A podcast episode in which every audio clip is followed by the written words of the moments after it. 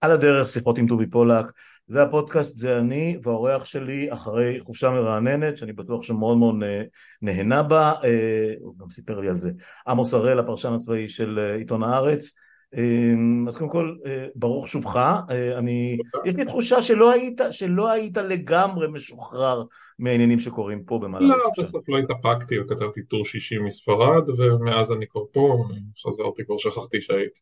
כן, אה, זה, זה הגורל של כולנו בעידן הזה, האמת שבזמנו אתה זוכר היינו נוסעים לחוץ לארץ והיינו מקבלים פקסים למלון עם הכותרות של העיתונים זמנים. נוסטלגיה של, בני, של, של, של, של זקני המקצוע מה שנקרא.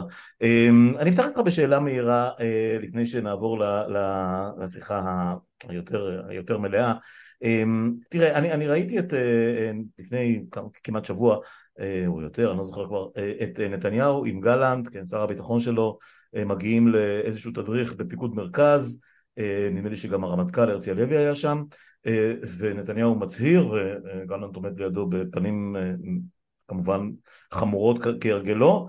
בדקתי, בדקנו, הצבא פיקס, הכשירות מלאה, ואין שום בעיה, ונוכל לכל אויבינו והכל.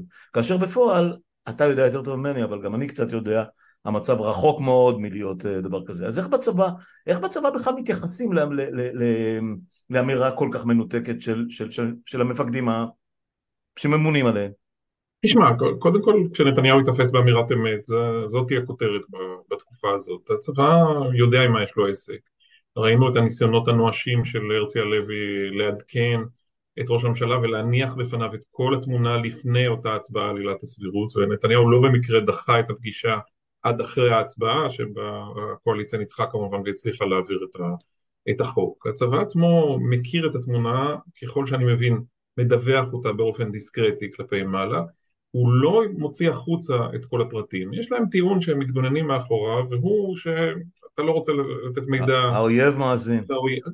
וזה, אגב, זה נכון במידת מה, אתה לא רוצה שאיראן תדע כמה, מטוס, כמה צוותים כשירים יש לאייש את טייסת ה-F-35 או ה-F-15. זה סביר, אבל מאחורי הטיעון הזה הם מנצלים את זה לקצת יותר מרחיב לכל מיני הסדרים אפורים. אגב, בהפוך על הפוך זה גם מה שהלך בהתנתקות, הרי היה קהל גדול אז שלא רצה לקחת חלק בהתנתקות, אנשי מילואים וגם אה, אנשי קבע, והכירו אותם לכל מיני הסדרים. אז גם פה הדבר הזה קורה, וכאן יש בעיה כי יש איזו נטייה שבאה אפילו מלמטה למעלה של לייפות קצת את העובדות, לתת, אה, להגיד שהמצב עוד לא כל כך רע, האיש שנופל מהקומה ה-34, בקומה ה-32 הכל עדיין בסדר. כן. בתוך תוכם הם יודעים את האמת, מספיק לראות את הפרצוף של אה, הלוי, שגם ככה, גם בימים... זהו, אה, אמרו לי, זה, הוא נולד עם הפנים האלה. כן, אבל זה יותר מזה, מי שמכיר אותו שנים, אני לא מתיימר לזה היכרות סופר קרובה, אבל באמת כן. קרוב ל-20 שנה, עובר עליו משהו, ואי כן. אפשר שלא, הוא באמת בנסיבות בלתי אפשריות, אף אחד מקודמיו לא יתמודד עם משהו.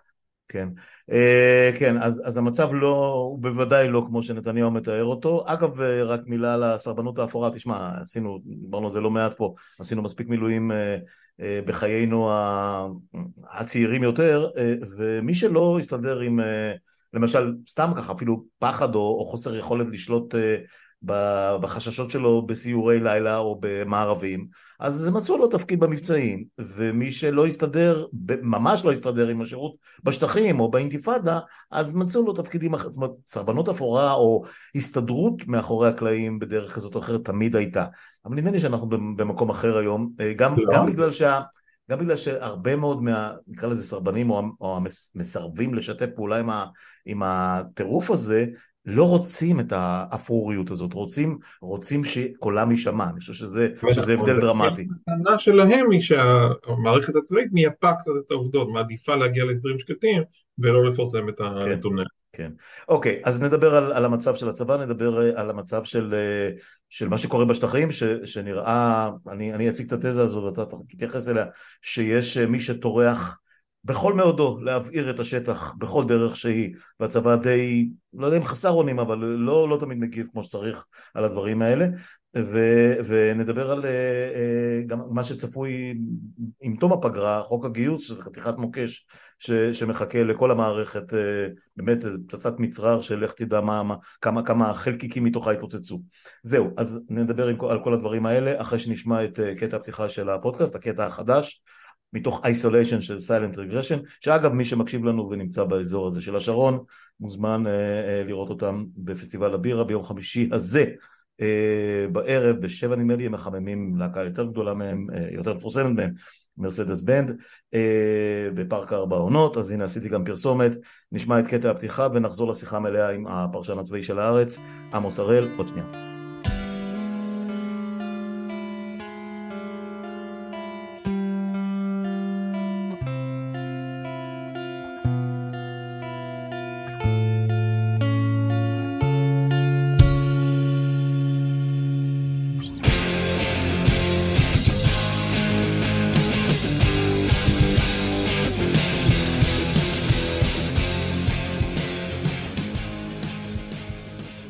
חזרנו, עמוס הראל חזר מחופשתו, אני חזרתי אה, לעמדה שלי פה אה, באולפנון אה, בהוד השרון אה, ואנחנו מדברים על, אה, על המצב של הצבא. עכשיו תראה, אה, יש כל מיני פורומים שאני נמצא בהם, קבוצות וואטסאפ ומפגשים בין אישיים אמיתיים.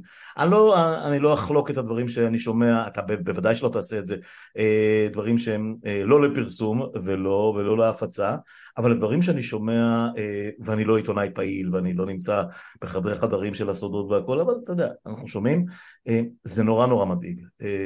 אתה, אתה ציינת משהו לגבי הבית ספר לטיסה, אז אני שמעתי דברים לא פשוטים בכלל על מה שקורה שם. עכשיו, נכון שזה יחידת הדרכה ו- ואפשר איכשהו לקחת חופשה בדרך ו- ולשנות טיפה את סדר הדברים והכל, אבל זה סימפטום להרבה מאוד, אה, להרבה מאוד דברים שקורים בעצם בלי שנהיה מודעים להם. בוא תן לי טיפה את התמונה של מה באמת קורה עם, ה- עם הצבא היום.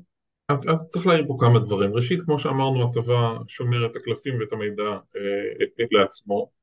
ושנית, ברוב המקומות, בטח כשמדובר בצבא היבשה, זה לא מצב בינארי של 0 או 1, יש כשירות או אין כשירות. זה רצף כזה שאפשר, מאוד מאוד תלוי בעיני המתבונן. היופי פה, הפרשנות נתונה לצבא, והצבא גם יכול קצת לשחק עם זה. אתה לא תהיה במצב שבו, כנראה, שבו רמטכ"ל יצא החוצה ויגיד, זהו, איבדנו כשירות, אה, אויבינו מוזמנים לתקוף. הרי לא בזה העניין. אבל מה שקורה מתחת לפני השטח, כמו שאתה אומר, הוא בפירוש מדאיג, ואתה בתור אזרח מודאג, וכיוון שאתה גם פעיל בקבוצות אה, מחאה, אז אתה שומע את זה יותר ומקבל את, ה, את החתיכות האלה של הפאזל, גם אני מתקשה להרכיב את הפאזל המלא. מה שברור הוא שבעיקר, קודם כל חיל האוויר, דיברנו על זה מההתחלה, בגלל התלות העצומה שלו במילואימניקים, המצב בחיל האוויר יותר בעייתי, גם יותר מדיד, והזכרת את בזה ספר לטיסה, אז לכאורה יגידו לך בסדר, הם לא תוקפים בסוריה, אז מה זה כל כך קריטי? אבל בואו נחשוב על ההכשרה של הטייסים הבאים. ברור. של 2022 או 2023, האם הטייסים והנווטים שיסיימו אותו בעוד שנה, שנתיים, שלוש, תהיה להם כל ההכשרה המלאה, כל האימונים שהם היו צריכים לעבור, הסינון והמיון שלהם יהיו ברמה מספקת בגלל הטלטלה שעוברת כרגע המדינה? אני חושד שלא, יותר גרוע, בואו ניקח את זה לכיוון מורבידי קצת, האם בטיחות הטיסה תישמר? הרי בכלל תמיד מדברים על הצורך הזה שטייס יעלה בראש נקי לטוס, כי אחרת אתה יכול למצוא את עצמך בתוך uh, צל ההר. Uh, זה חלק מהסיפור פה, ואין, השורות לא מלאות, זאת אומרת מוציאים כל מיני פטנטים, ובמקום מדריכים במילואים מביאים כל מיני אנשי קבע, ויש מדריכים במילואים שמתנדבים, הרי לא כולם uh, מתנגדים להפיכה, אז יש כאלה שעושים אולי משמרות כפולות כדי לחפות, אבל המצב הוא בפירוש לא טוב. ההמשך של התמונה הזאת במטה המבצעי, דיברנו על זה אצלך בעבר, שם זה מאות אנשים, אנשים שכבר לא טסים, אולי לכן טיפה קל להם יותר אה, לשחרר, לחתוך את החבל הזה, אבל כן, הם הפסיקו להגיע, וחלקם לא יגיעו גם כשיהיו תרגילים בתקופה הקרובה. אז תגיד לי חודש, חודשיים זה בסדר, ואם פורצת מלחמה בינואר-פברואר, אנחנו כבר בבעיה, אתה בשלב של ירידה ושחיקה, ועל זה צריך להוסיף עוד שני דברים, אחד זה לכידות, והלכידות היא במצב קשה, לא סתם הרמטכ"ל מזכיר את זה פעם אחר פעם, ושתיים עם מצב רוח, יש רוח נכאים, אלון בן דוד אמיתי כתב על זה ביום שישי במעריב, הוא אמר זה דומה ללבנון השנייה ויותר גרוע, האווירה במטכ"ל, אז אני לא הייתי פה שבוע ועברו כמה ימים מאז ש... אפילו יותר מכך מאז שהסתובבתי בקריה בבניין מטכ"ל, אין לי ספק שהוא צודק, כל השיחות שאני מנהל מאז מאוד מאוד ברורות, יש רוח נכאים, יש תחושה שקרה פה משהו מאוד מאוד גדול, שאנחנו רק מתחילים להרגיש את התוצאות שלו, ושבעצם אף אחד לא פועל כדי לעצור אותו. ולזה צריך להוסיף גם את התסכול של המוחים עצמם. השתמש אחד הטייסים בביטוי די חריף בעניין הזה לא מזמן, במפגש עם אה, כתבים, הוא אמר אנחנו הטלנו פה, השתמשנו בנשק יום הדין, ולא קרה כלום. זאת אומרת, מה זה לא קרה? אתה זוכר את כל השיחות שלנו לאורך התקופה, גם ב, לפעמים בוואטסאפים. כן, כן. מה, מה, יהיה ה deal breaker, כן. האם, האם הטייסים יספקו את הסחורה במרכאות? אז הם סיפקו, חלק כן. גדול מהם. חתכו את, הק, את, ה, את הכבלים הללו, שהם מאוד מאוד קשים להם אמוציונלית, ואולי גם ערכית, ועשו את זה. זאת אומרת, הם עמדו בציפיות של מחנה המחאה מהם, ועשו, אבל בעצם לא קרה כלום, כי ראש הממשלה העיר על זה ערן מציון, והעיר נכון, יכול להיות שאנחנו מודדים, אנחנו מסתכלים על ביבי בפרספקטיבה מוטעית כבר, כי אנחנו עדיין מסתכלים ב, מתוך שתי הנחות יסוד, אחת שכל מה שהוא עושה יש לו כפוף לאיזה היגיון פנימי, והשנייה שהוא עדיין סוג של פטריוט ישראלי. אז הנה, ההוכחה הסופית שהדברים לא כך, הם בדיוק האירוע הזה, אותו יום שני בכנסת לפני שבועיים ומשהו. הצבעה, כל התמונה ברורה לחלוטין, בוודאי לנתניהו, שהוא בוודאי איש שמבין בביטחון. הרמטכ"ל ומפקד חיל האוויר מצלצלים בכל הפעמונים, ראש השב"כ נותן את התמונה שלו, ראש אמ"ן וראש אגף המבצעים מסתובבים כינשוכי נחש שם בכנסת בניסיון לשכנע. ושום דבר, נתניהו בסיפור הזה, בוויכוח בין לוין מצד אחד להרצי הלוי מצד שני, אנחנו יודעים איך הוא הכריע. אז בעניין הזה יש גם איזה אכזבה, תסכול ובלבול, גם בקרב מי שכבר נקטו את הצעד, כי התחושה הכללית היא שהלכו פה למהלכים מאוד מאוד קיצוניים, דברים שאף אחד מהטייסים הללו, אם היית שואל אותו לפני שנתיים, לא היה מאמין שהוא ינקוט מהלך כזה, ובעצם לא קרה כלום, זאת אומרת עולם כמנהגון נוהג, הכשירות יורדת, צה"ל נחלש, והאזרח הממוצע שלא בקיא בתמונה וגם אולי לא כל כך אכפת לו מהמחאה, אומר, טוב, ראש הממשלה צדק, הנה, הכל בסדר. לא פרצה מלחמה. אז uh, לזה אני יכול uh, לחזור לדוגמה שלך מלפני רגע על, uh, על אותו אחד שצונח ממגדלי התאומים שהולכים ומתמוטטים ואתה יודע, חולף על פני הקומות ואומר so far so good, אז אנחנו מכירים את התחושה הזאת, ו- ויותר מזה, נדמה לי שגם אם נגיע ל... אה, לא יודע אם תסכים איתי או לא, אבל בתחושה שגם אם נגיע למלחמה פתאומית כוללת, איזושהי מתקפה שצריך להגן מפניה בספטמבר, אוקטובר, נובמבר, אולי אפילו בינואר 24, אה, אז סביר להניח שכולם יזנקו לקוקפיטים, כולל אלה שלא... ש... כן, סביר להניח, אנחנו, אנחנו מכירים את זה, אולי הכשירות לא תהיה מלאה, אבל אתה יודע, אתה, כמו, כמו לרכוב על אופניים, הם, הם יסתדרו, זאת אומרת, יהיה מי שיילחם. העניין הוא הטווח הארוך יותר, אתה דיברת על אה, בית ספר לטיסה אה, שאפשר לשנות טיפה, אז נניח שאותה אקדמיה, אותו קורס, יתארך בעוד חודשיים שלושה אם יהיה צורך. אה, הרי תמיד אפשר לדחות דברים, אבל אני שומע למשל על, על גיבושים, זה לא דברים שאני אה, אה, אה, אה, מסגיר פה כי הכל פורסם, אה, גיבוש של יחידות מיוחדות, שייטת פה שם, כמעט את כל הדברים האלה, כמו, כמו בית ספר לטיסה, עושים, אה, אה, המדריכים הם מבוגרים, צריך להגיד, הם אנשים שכמעט תמיד מגיעים כאצ"חים, כאיזשהם אה, הצבות חירום כאלה או הצבות קבועות, אה, ו- ו- ועושים את המיונים ואת ה- ומובילים את הגיבושים ואת המיונים למיניהם. אה, קשה מאוד פתאום שמישהו שנמצא בסדיר בתפקיד אחר אה, ייכנס לתוך האור הזה שלהם out of the blue, אז זה גם יכול לקחת הרבה זמן. קיצור זה סיפור ארוך טווח. והם מדברים גם על נזק שהתחיל להיות מורגש מהצד השני, אנחנו מדברים על הצד המבוגר של הסקאלה הזאת. כן. בצבא מדברים בפירוש על uh, חשש סביב uh, גיוס נובמבר והכנות אליו, אתה הזכרת את הגיוס. אז זה, זה, זה הולך, אנחנו מפה הולכים לחוק הגיוס, כן.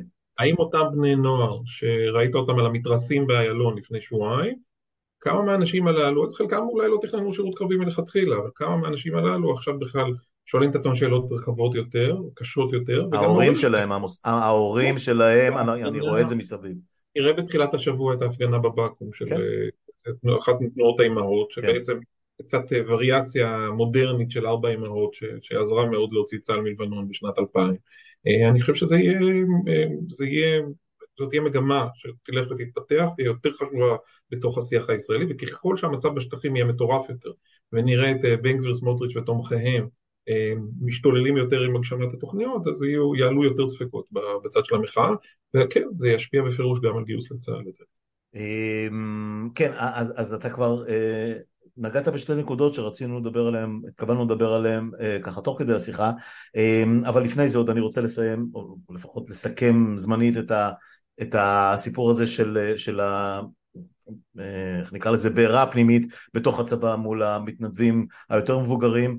אני שומע שיש התלבטויות גם בין קצונה, קצונה בקבע, קצונה צעירה, נניח כאלה בני, לא יודע מה, 28 עד 35, 40 כזה, שנמצאים בשיא הקריירה או לקראת סוף, האם להאריך חתימה, לא להאריך חתימה, האם לקחת את התפקיד הבא, או להגיד סלמת נמאס לי מזה, אבל בשבוע שעבר שמעתי על, על התלבטויות ועל שיחות בתוך צוותים, בתוך פלגות, לא משנה אם זה שייטת, שלדק, לא, לא חשוב איזה, באיזה יחידה זה היה, איזושהי יחידה אה, אה, מיוחדת על זה שסדירים אה, מנהלים בינם, אה, בינם לבין עצמם שיחות מה, מה התפקיד שלנו במלחמת אזרחים, רחמנא ליצלן, זאת אומרת זה מגיע למחוזות שמי בכלל מעלה על דעתם, אה, על דעתנו במשך השנים שדבר כזה בכלל ייאמר.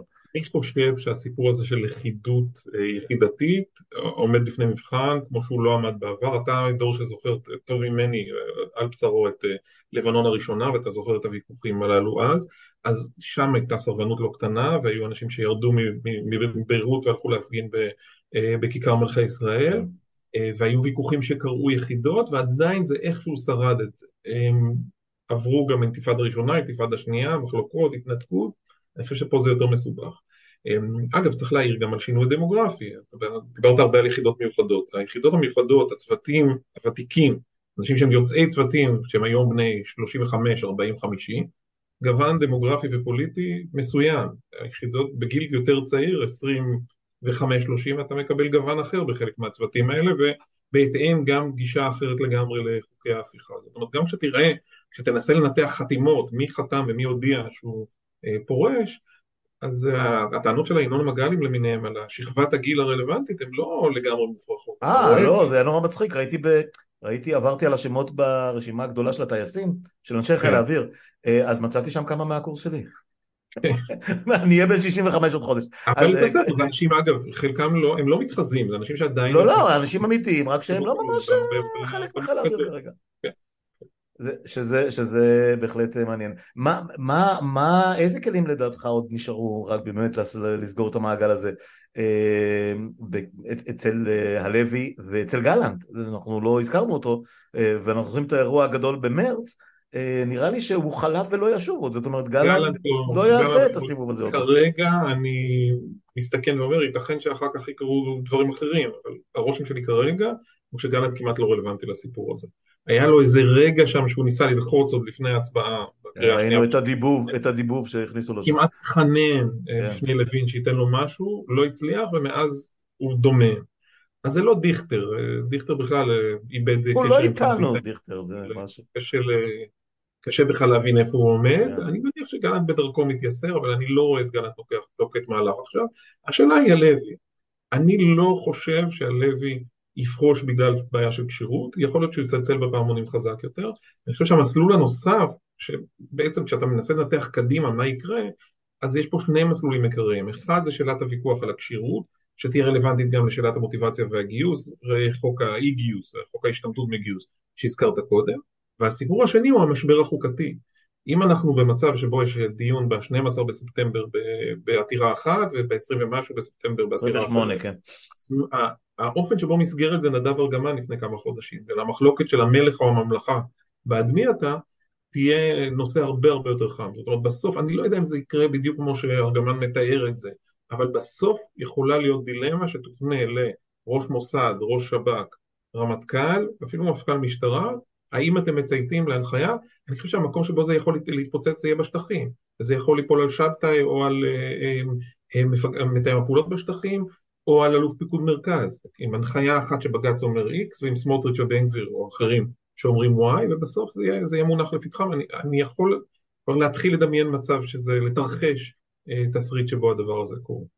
תשמע, אה, אתה לא צריך אה, דמיון מפותח בשביל להבין איך זה קורה, ראינו רק, אפשר לגעת עכשיו ממש באירוע שהוא חם לפנינו, הסיפור של בורקה מיום שישי בערב, אז ניתן פה את הקרדיט לחיים לוינסון על התרגיל הנחמד שהוא עשה, הכל בסדר, אמ, אבל עדיין, קודם כל, אם הוא עשה את זה בכזאת קלות, אז, אה, ואתה כמובן לא, זה לא התחום שלך, אבל כל אה, רכז שטח בשב"כ היה יכול לעשות את התרגיל הזה אלף פעמים, והם מכירים את הנפשות הפועלות הרבה יותר טוב מלוינסון, מכולנו, ולא נראה שהם טורחים לעשות את זה, וגם אם כן, אז שום דבר לא קורה עם זה. אה, אבל, אבל הרבה יותר מזה, אין, אין דין ואין דיין. עכשיו, אני יודע, אני מכיר את הטענות של הצבא, זה עניין של המשטרה, זה בכלל פה שב"כ, ואנחנו... אבל הצבא, הרבה פעמים אנחנו רואים תמונות שמה, של קצינות צעירות, של קצינים צעירים, ש, שהם פשוט תוקפים את פעילי השלום, תוקפים את הפלסטינים שמותקפים כל הזמן. תשמע, אי אפשר להתווכח עם התמונות, ויש לי גם, אני מדבר עם אנשים שהם גם פעילים שם, תאיו"ש ואחרים, זה בלתי נסבל, הצבא ממלא תפקיד של שמירה על הפורעים. מה, מה יהיה עם הדבר הזה? תראה, זה, קודם כל זה לא מהיום. אני יודע, אז מה? אנחנו מדברים על 50 וכמה שנות כיבוש, ואנחנו מדברים על לפחות 40 שנה שהתופעות האלה, תחשוב על ההפגנות מול אלון מורה בסוף שנות ה-70 אפילו. סבסטיה, כן. כן, אבל זה, זה, זה הוקצן עם השנים, וזה דור שכבר לא, לא מכיר אחרת בשום צורה. זאת אומרת, החיבוק המתנחלי הזה, מעט מאוד אנשים מסוגלים, אם אתה בא עם בסיס אידיאולוגי חזק מהבית, או יותר בוגר בגילך כחייל צעיר בשירות סדיר, אז יכול להיות שאתה יודע להבחין בזה, אבל החיבוק הזה של העוגות, והדלקת נרות בשבת, והמשלוחי מנות, סופגניות בחנוכה. והרב שץ שבעצם נכנס לתוך שרשרת הפיקוד, הרכז הביטחון השוטף, שהוא כאילו מוקד הידע הגזרתי, אז הוא בעצם מחלק פקודות למ"פ. יש מעט מאוד קצינים שיודעים להתמודד עם זה, ואתה יודע, יש גם שאלה אחרת שהיא קצת צינית יותר, אבל יש מקומות, נגיד מח"ט חברון, ידוע במשך שנים גם בצבא וגם במשטרה לגבי מפקד תחנת המשטרה בחברון, שזה אזור מסכן קריירה, זאת אומרת תעשה את הצעד הלא נכון, תריב עם האנשים הלא נכונים ולא תתקדם הלאה. אגב פוקס, אלוף הפיקוד שחוטף עכשיו הרבה, כן. אה, הוא כמפקד חטיבת חברון 2006, הרבה שנים אחורה, חטף שם השפלות אימים ממפעלים כבר שכחו את זה, אבל יש שם אה, סרטון מפורסם של פרופסור מבר אילן שמקלל אותו ואת אה, ילדיו ומאחל מוות למשפחתו. לא, ניצן אלון זה דוגמה קלאסית. כן, עברו 17 שנה ודברים... אה, אבל עדיין, יש מטכ"ל, יש רמטכ"ל, יש אלוף פיקוד. אין לא- שום, אין להם שום מילה בעניין הזה. אף אחד מהם לא יקבל תעודת הצטיינות על הסיפור הזה, אין גיבורים אמיתיים בעניין הזה. מדי פעם, תראה, אנחנו כבר בכלל, זה קצת מצחיק, אפילו העיתון שלי, אפילו אני חוטא בזה מדי פעם, של לספור כמה זמן עבר בלי שגינו.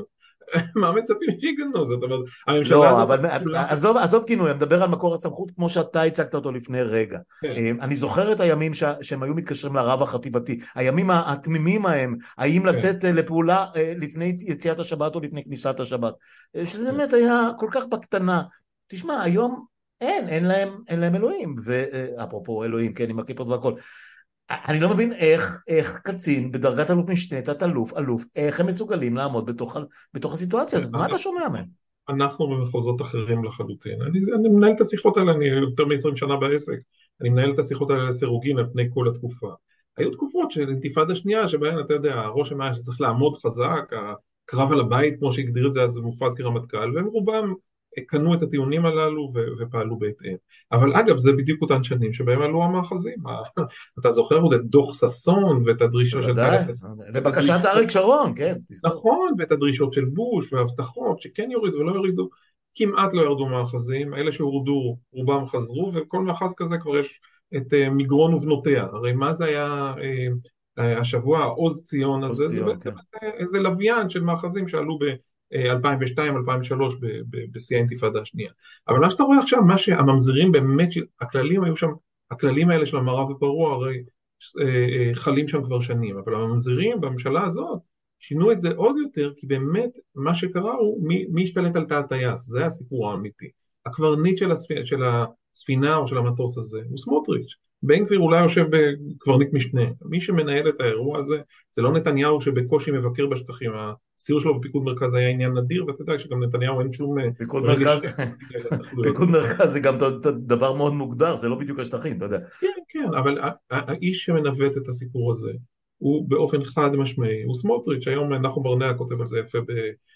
על, על תוכנית ההכרעה המפורסמת של סמוטריץ'. כן, כן, דיברנו על זה. גם רון בן ישי כתב עליה. זה ברור לחלוטין, הדברים מתנהלים לפי תוכנית, זה כאוס, סמוטריץ' הוא במידה רבה קפטן כאוס של הסיפור הזה. ומה שהוא רוצה זה יותר ויותר מזה, הוא דיבר על זה באופן מפורט. הוא שואף אה, אה, שהם יתחננו לטרנספר הפלסטינים, זה עד כדי כך. יניב קובוביץ', הקולגה שלי בארץ, פרסם לפני חודשיים שלושה, שסמוטריץ' אומר שם בשיחות במשרד הביטחון, צריך מיליון יהודים. כלומר, להכפיל את מספר היהודים. לא, לא, זה פורסם, כן, אני זוכר. שנים הקרובות. עכשיו, מעבר לזה, אה, זה יותר אפל מזה, זה לא רק להביא מיליון יהודים ולא רק למצוא להם איפה לגור, אלא להדחיק, לדחוק ככל האפשר. אמרתי, טרנספר, הוא מדבר על זה. וכשאתה מגיע וכשאתה מנסה לעשות זום אין, אני לא הייתי שם. ואגב, אני, הטענה האוטומטית לרצח, אני לא יודע אם היא נכונה, ייתכן שבראייה הסובייקטיבית של הבחור הזה שירה, יכול להיות שהוא הוא, הוא חושב שהוא פועל מתוך הגנה עצמית, השאלה היא, what put him there, למה הוא הגיע לשם ומה היה להם לחפש שם, הרי זה העניין. אבל מעבר לזה, עזוב לרגע את התקרית הספציפית, מאוד ברור הדפוס בפעולה, והדפוס פעולה הזה מוכר לכל כתב שסיקר את השטחים, מיועד חמו דרך חיים לוינסון ועד אה, אליי. זה במשך שנים העניינים האלה קורים, והם עוד יותר מתרחשים בשנים האחרונות סביב זה לא רק מאחזים, היום קוראים לזה חוות חקלאיות, שהרבה יותר, זה חוות בודדים כאלה. חוות גלעד היה המפורסם ביותר עם משפחת כן, זהר. יש היום מהלך של, יש היום מהלך של אה, אה, חוות חקלאיות, שהמטרה היא דחיקה של פלסטינים, בעיקר בשטחי B ושטחי C, וכל סיפור כזה, אתה, אנחנו באמת, אנחנו לא, אתה צריך להיות אוויל אה, מושלם כדי לקנות את הסיפור הזה של אה, הכבשה שושנה, אתה יודע, הוא, הרועה המסכן ראה את העדר, אולי הוא הלך להביא את... כל קורא לנדוד לנדוד. לתרופה לאמו החולה, ואז בלילה הוא נקלע ביום שישי, ואז, ואז מרקו מצא את אימא. ואיראן נס והם באו להציל אותו, אנחנו מבינים מה קרה שם, הם באו להתגרות, הם באו לפרובוקציה, שרפו את המכוניות, עוד כנראה עוד לפני רדת החשיכה.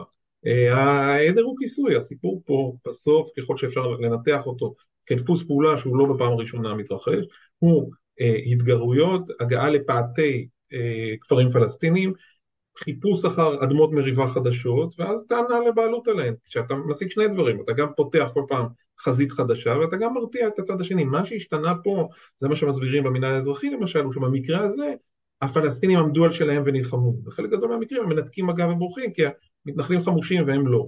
אבל פה הם הזעיקו עוד עזרה, ופתאום נוצר שם מצב שמי שבא אה, לעשות איזה סוג של פרובוקציה, מצא את עצמו בעמדת נחיתות ובמיעוט, ואז באמת אה, אה, מתחילים לראות. אני מזכיר לך סיור כזה שמונה, תשע שנים אחורנית, אני לא יודע אם אתה זוכר, בקוסרה. אותו אירוע שאתה, זה הפעילים הקיצוניים ביותר של המאחזים באזור של אה, עמק שילה וצפונה משם, באזור של יצהר ואיתמר. החבר'ה האלה שוב נקלעו שם לאיזה מהומת אלוהים, הם באו להתגרות, פתאום קמו עליהם פלסטינים והצבא בסוף היה צריך לחלץ אותם. היה חילוץ שם, הרי הם פחות או יותר נלקחו בשבי אם אני זוכר. נכון, נכון, אז, אז הדברים האלה קורים, עכשיו ברוב המקרים זה עובר לנו מתחת לרדאר, אמירה אס מדווחת על זה, אתה קורא את זה עם עיתון של הבוקר, מצקצק בלשון ומראה, ומראה לאשתך, ואנחנו שוכחים מזה, פה זה היה הרבה יותר גדול, אז זה, זה אירוע ש... אבל הוא אירוע שהוא מסמל משהו הרבה יותר גדול. אה, הדבר הכי מדהים, וזה הסיפור של לוינסון, אבל, אבל אנחנו אה, רואים את זה, פשוט ראינו את זה, ב, אתה יודע, בצילומי וואטסאפ live כמעט, מי שהיה פעיל בשבת ברשת, אה, זה חוסר הפחד שלהם וה... וה התנהלות של עולם מקביל לחלוטין שאין אין, אין עליהם מורא של אף אחד, לא של המשטרה ולא של השב"כ ולא של הצבא ולא של כלום. והחשוד ש... שהדבר המשלים של זה, החלק המשלים של הסיפור הוא הרוח הגבית. יפה, אז באים לבקר אותם שם אה, אה, שורה שלמה של חברי כנסת ובעלי תפקידים. החשוד לא, שלא כמו כל חשוד בפעילות חבלנית כלשהי, אה, לא אזוק למיטה חלילה או משהו כזה, וחברי כנסת צועדים לתוך החדר שם בבית החולים. אני ממש מזועזע מזה שאתה מפקפק במצוות ביקור חולים. אני ממש... אבל זה גם מעניין מי השניים שמבקרים אותו, טלי גוטליב, שהיא סנגורית ידועה. סונר מלך, תשמע. ולא, סונר מלך לא הגיע, היו לא שניים, טלי אוקיי. גוטליב מצד אחד, וצבי סוכות. אה, סוכות, ודאי. כן, שהוא לא סוכי, לא שהוא לא סוכי מהתכתובות, אלא איזה סוכי. לא, אבל הוא צבר ניסיון לא קטן עם החטיבה היהודית. ודאי, ודאי. ודאי. טוב, הם כולם... כל, כל החברים הטובים שם בדוקאים, כמו שאוהבים לקרוא להם. תראה, הדבר המעניין היה שאפשר לחזות את זה, באמת, לא, זה לא צריך גאונות אה, יתרה, אני אתן לך סודות מהחדר העריכה, בסדר? אני ב, ב, בשבת כתבתי את הפרשנות שעלתה לאתר, ב, בשב, ב, סיימתי לכתוב אותה בשבת אחרי הצהריים, כי רציתי להגיע לקפלן. Mm. וכתבתי אותה, ואמרתי, כתבתי, עד אחרי צאת השבת נשמע שבכלל הם הגנו הגנה עצמית, ושבמקרה כל הדברים האלה התממשו שעתיים אחר כך, עכשיו זה לא, לא הצריך איזה אה, חושי אה, ראייה עתידיים אה, מדהימים. אני מסכים איתך גם שבסוף הוא לא יועמד לדין, זאת אומרת, גם את זה כתבת. כן, כי קודם כל כי באמת יש שם איזה שטח אפור, ושנית המערכת מוטה לטובתו באופן מוחלט. לך, תראה, לפני שנה היה סכסוך מאוד מאוד דומה, דווקא ליד אריאל וליד צלפית. היה שם יהודי שדקר למוות פלסטיני, התיק הזה עבד לו איכשהו ב... ב, ב במגירות הכיבוש, ולא לא נודע כי בא על קרבו, האירוע הזה לא, לא, לא הסתיים לא בהעמדה לדין של הפלסטינים, ובוודאי לא של, ה, של המתנחל ש, שהיה עם סכין, שהאשימו אותו שם, דובר על חשד לרצח, וככה זה, זה גם ימשיך, אבל זה הרבה יותר גרוע כי זה מהמקפיצה. שנים היה פה איזה דאבל סטנדרט כזה. הסיפור של הממשלה הזאת במידה רבה, וזה אגב, אם אתה רוצה, מאוד דומה למה שקורה סביב החרדים וההשתמטות מגיוס, הכל מהמקפצה. אף אחד כבר לא מתבייש בכלום. פעם אז עוד היו מגנים והיו וזה, ומדברים משני צידי הפה. נגמר הסיפור הזה, ראית את בן גביר, הוא מחלק לו צל"ש בכלל, מגיע לו צל"ש. ואגב, כן. ראית שהבוקר נעצרו כבר פלסטינים. או זהו, רציתי להגיד שמרוב התלהבות לחקור את העניין, הם מצאו כמובן את האשמים, ושזה הפלסטינים. הפצוע, תראה, הפצוע עוד אה, מתאושש, וצריך עוד כן, לתאם איתו גרסאות. נכון, צריך גם לבדוק את ה-DNA על האבן ומי זרק אותה. כן. אה, אנחנו מכירים את זה. אה, אתה יודע, באמת, לסגור גם את הפרק הקטן הזה, אני אני אשאל אותך שאלה שהיא לא בתחום ה... אה, אתה יודע, המעשה עצמו, אלא בתחושה שלך מהשיחות שלך עם, אה, עם, אה, עם אנשי צבא, אתה יודע, בכל, בכל הדרגים. בן אדם ש, שסתם, הדור דור שלי, הם לא, הם לא מבזרים, אבל אנשים בני נניח 25, 30, 35, שבאו מבתים כמו שלך ושלי, סתם לצורך הדיון, יש להם עתיד בצבא מהסוג הזה? זאת אומרת, התחושה שאתה יודע, כששאלו אותי אם אתה רוצה לחתום קבע או לא, אמרתי, אני לא יודע, אני, אני אראה, אני אראה ככל, ש, ככל שהצבא, ככל שנתקדם בהכל.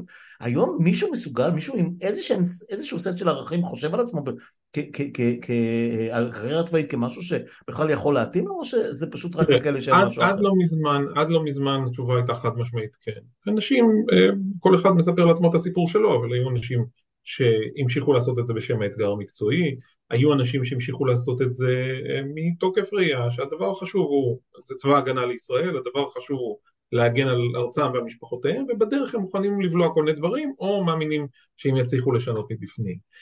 גם היום המטכ"ל לא חבורה, אתה, אתה זוכר את הנבואות מצד שמאל לפני 20 ו-25 שנה כשהתחילו המכינות הצבאיות הדתיות כן, וכולי, שהכל יהיה ישיבה תיכונית שם למעלה. אז זה לא קרה ככה, זה, כן. זה הרבה יותר איטי התהליך.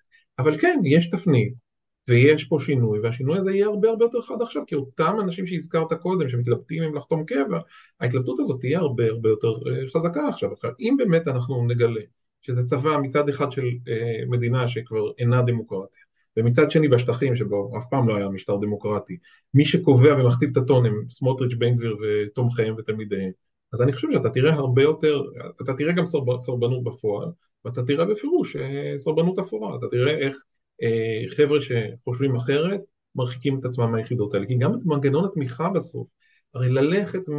לא יודע מה, ללכת מהנוער העובד, להיות בוגר הנוער העובד וללכת ל- ליחידה קרבית. מצד אחד אתה אומר זה מובן מאליו, זאת המסורת, מצד שני אתה עושה תעסוקה בשטחים ואתה מתחכך שם עם דברים שאתה לא, לא היית רוצה. זה, זה עבד איכשהו בשם ההגנה על הבית ובשם התמיכה שהשמאל הציוני נתן בתוך הסיפור הזה. אנחנו לא אוהבים את הפעולות, אבל אני מדבר איתך מהזווית שלי כאיש מילואים. עשרים שנה כמעט של מילואים בשטחים, מאוד לא אהבתי את מה שאני עושה, הרגשתי שסרבנות היא לא הבחירה הנכונה, והמשכתי לעשות את זה, דיברנו על זה כבר בפודקאסט כן, פעם או פעם, כן, לדעתי. כן. אז, אבל האיש המילואים הבא שיצטרך לעמוד בפני אותה דילמה, או החייל הנחל אה, שיתלבט בעניין הזה אה, עוד מעט, המערכת התמיכה שלו כבר תהיה אחרת לחלוטין, זאת אומרת, היא תהיה הרבה יותר חלשה, וההורים שלו יגידו, בחייך, תפסיק עם השטויות, תמצא לך עבודה נוחה בקריה, ואל תלך להסתכן בשביל לשמור על המאחזים האלה. או שתלך לעשות את זה באזרחות, סליחה, מי אמר שחייב ללכת המדהים? שוב, אנחנו כל הזמן מבטיחים כטיזר את סיפור אה, חוק ההשתמטות, אבל... כן, אז בוא נדבר עליו, כן. תהיה משמעותית. כן, אוקיי, אז, באמת יש הרי, נתניהו אמר רק עוד חוק אחד ודי, אבא סיפור, רק עוד חוק אחד ודי, אז כמובן שאנחנו לא נאמין לשום דבר שהוא אומר, לא לבלומברג ולא ל-NBC ולא ל-ABC, אפילו לא, אפילו לא לפוקס. אמ, אבל איזה אנגלית יש? כן, איזה אנגלית.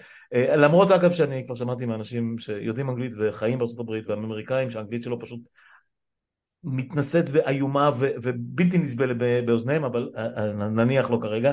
אה, אני מדבר עכשיו על, על, על ה... בעצם על החלום הרטוב, אה, או החלום ההכרחי כרגע, כמו שזה נראה, בגלל שכל הוראות השעה וכל ההסדרים שהיו בתוקף בעצם פג תוקפם, ובג"ץ בג"ץ עומד להם מעל הראש עם, עם סיפור השוויון. אה, חוק הגיוס, כמו שהם מחכים שהוא יקרה. אה, אה, הצבא יודע מה הולך לעשות, מה, הולך לקרות עם כל הסיפור הזה? אז הצבא פה מדבר גם בכמה קולות, כי בסוף, תראה, במשך שנים הצבא קצת התאים את עצמו למסרים מלמעלה.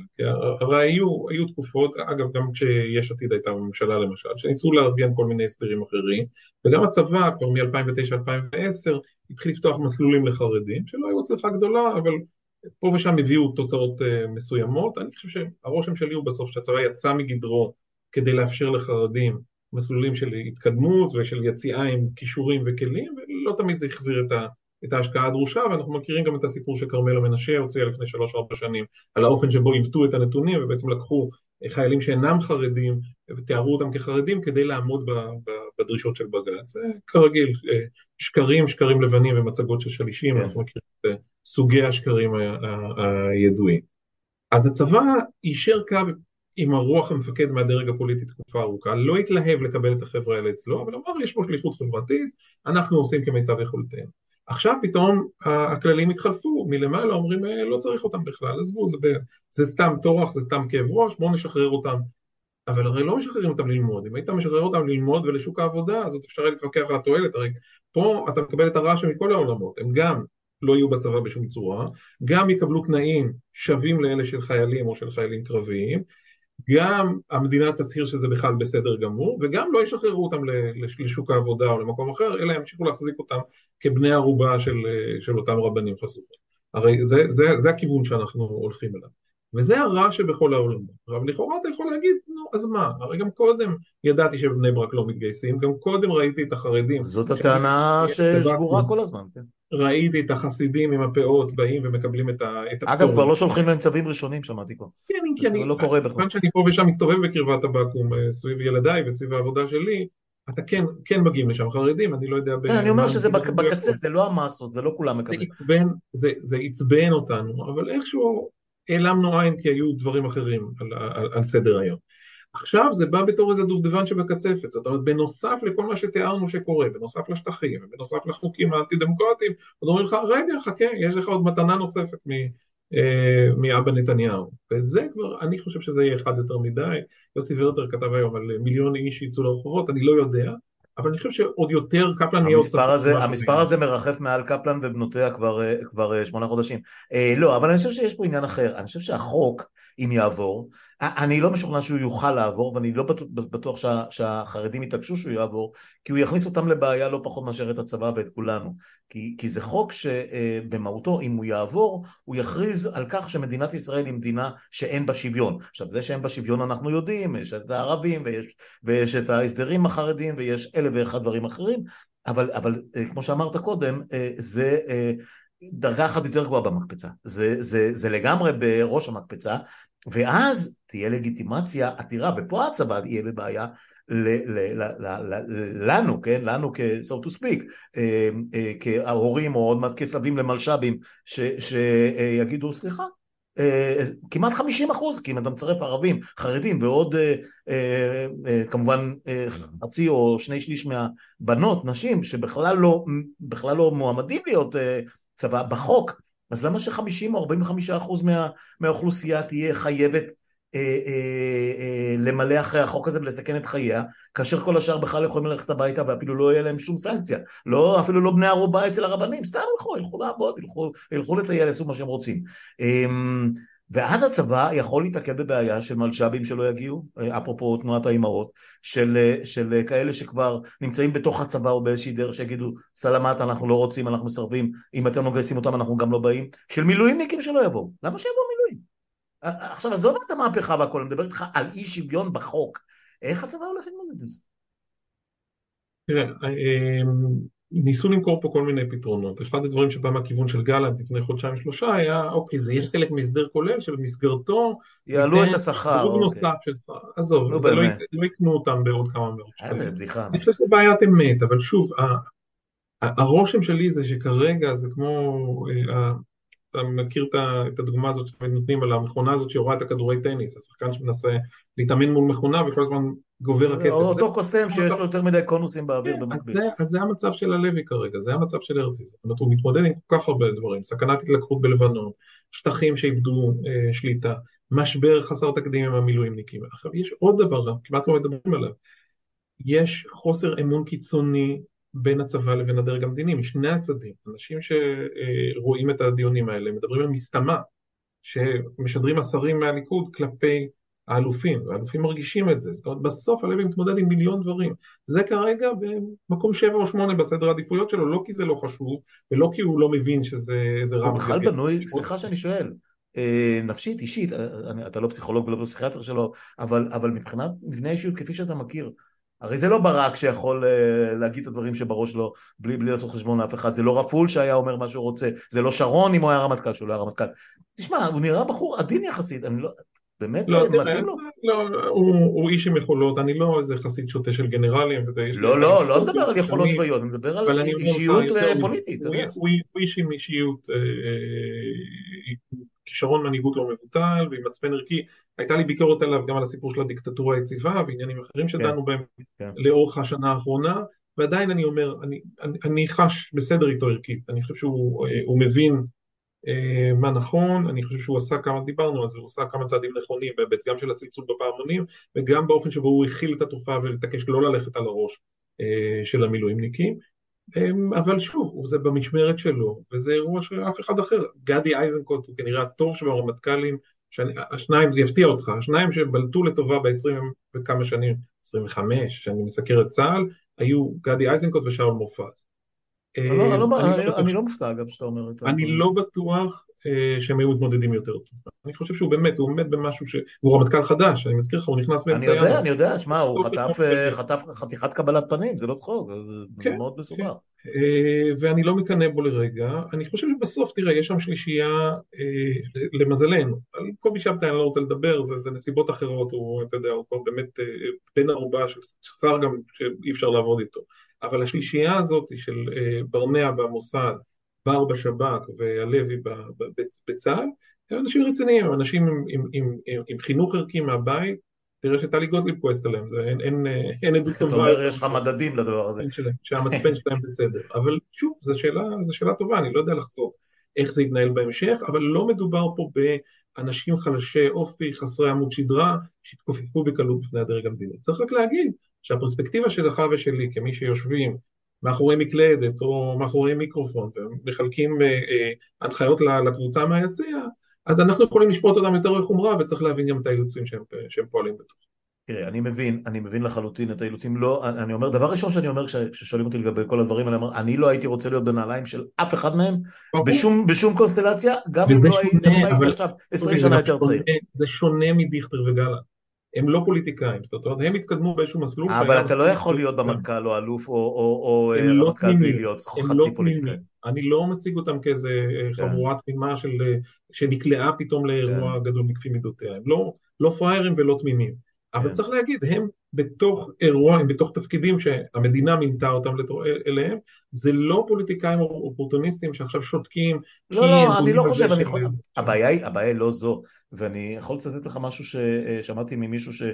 אמ, לא אחשוף, אה, אה, אבל, אבל שמכיר פחות או יותר את ההתנהלות, אה, לפחות ברמת הדיבור, אה, של נניח אה, איזשהו פורום כזה של רמטכ"ל, ראש מוסד, אה, ראש שב"כ, אה, יועץ, אה, יועץ משפטי לממשלה וכולי, זאת אומרת נניח מקבלי החלטות בר... שהם לא פוליטיקאים בדרגים הכי גבוהים, ש, שיש פה גם חשש גדול מאוד מהתלקחות פנימית בכל, כמעט בכל דבר שהם יעשו, זאת אומרת זה לא רק על הגבולות או על איראן או על לבנון או על סוריה או מה שקורה בשטחים, אלא דם ברחובות במידה שנניח הם שמים את המפתחות או, או באים ומנערים את ראש הממשלה בלשכה שלו, זאת אומרת אה, זה כמעט, זה כמעט no win situation. אתה רואה את האווירה בהפגנות, אנחנו קרובים לזה, אתה רואה איך... אני יודע שאנחנו נגיע לזה. מקבלת גוונים פוליטיים ואתניים מאוד מאוד חזקים בחודשים האלה. אני אישית מופתע שלא הייתה יותר אלימות, אני חושב שבכמה מקרים היינו מאוד מאוד קרובים לנפגעים. אגב זה כחוט השערה, דיברנו על זה, אותו זרנוק, אותו זרנוק שהעיף את הבחור אחורה בירושלים יכול היה להרוג אותו, הפרסה בגב של אותו מפגין בן 70 בקלות יכל נופל על הראש ונגמר הסיפור, זה... ואתה רואה דבר שאתה בטח מטפל בו בפרקים אחרים של הפודקאסט שלך, אבל אתה רואה באופן בוטה עלייה באלימות המשטרתית, אין פה חוכמות, אי אפשר להשוות את ההתנהגות של המשטרה בפברואר-מרץ להתנהגות של המשטרה. זה נראה שפשוט... אה, ונמאס להם וכולי, אבל... חם ונמאס להם, והם גם לא מיומנים, הם לא בנויים, אתה רואה, מה זה יס"מ? יס"מ בא להפעיל אלימות, יס"מ לא צריך להתעסק עם ילדים 18, מה ליחידה מהסוג הזה שצריכה להשתלט על משפחות פשע למפגינים בני 16, 18, 22, זה הרי בדיחה, זאת אומרת, לוקחים אותם כי זה האנשים שיש, אבל זה לא אמור להיות ככה, ואני לא רואה שזה הולך להשתנות. טוב, אנחנו נתחיל לסיים כי אתה ממהר ובסך הכל נראה לי שנגענו בכל הדברים אה, או ברוב הדברים, תמיד יישארו עוד דברים.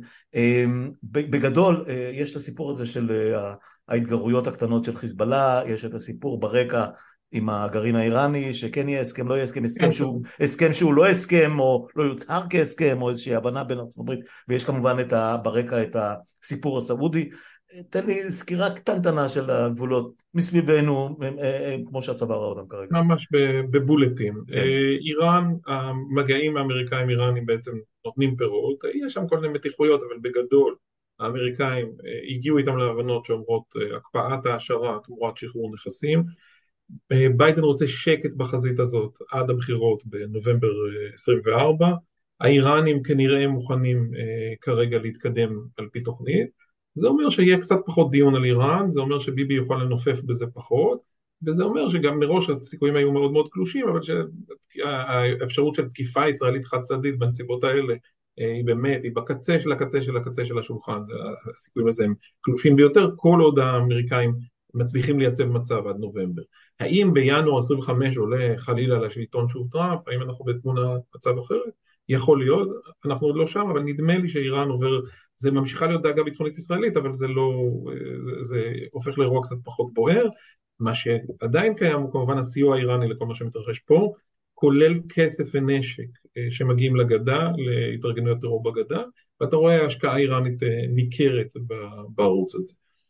לזה מתחבר הסיפור של לבנון. אה, אני חושב כרגע, אני מקווה שאני לא טועה, שחיזבאללה לא מחפש מלחמה, ושגם לחיזבאללה נוח שהעימות יתנהל בגדה, שהפלסטינים הם אלה שיקיזו דם שלנו וידממו בעצמם, מבלי שחיזבאללה יצטרך להשקיע יותר מדי בעצמו. אבל אנחנו פתחנו חזית איתם בכל מיני מהלכים שלא כולם היו חכמים אה, בדיעבד, בין אם זה הצבת הגדר הזאת בחלק הצפוני של רג'ר, בין אם זה אה, אה, בניית המכשול שהיא הגנתית, אבל שביניהם זה אצבע בעין בכל מיני מקומות שנויים במחלוקת לאורך הגדר. זה אגב קשור לסיפור עם המעלים בחוות שבא שם? אז כן, במידה רבה, אה, מנקודת המבט של נסראללה, הוא מגיב פה בפרובוקציה משלו לפרובוקציות הישראליות. למרות שזה, צריך להגיד, הוא עושה את זה באופן כמעט סמלי, זאת אומרת, ממש ממש בחדר. כן, אבל שוב, פועלים לא מאוישים. זאת אומרת, כי מעבר לזה יש גם קרוב ל-30 עמדות שבהן כבר עומדים אנשי כוח רדואן, אמנם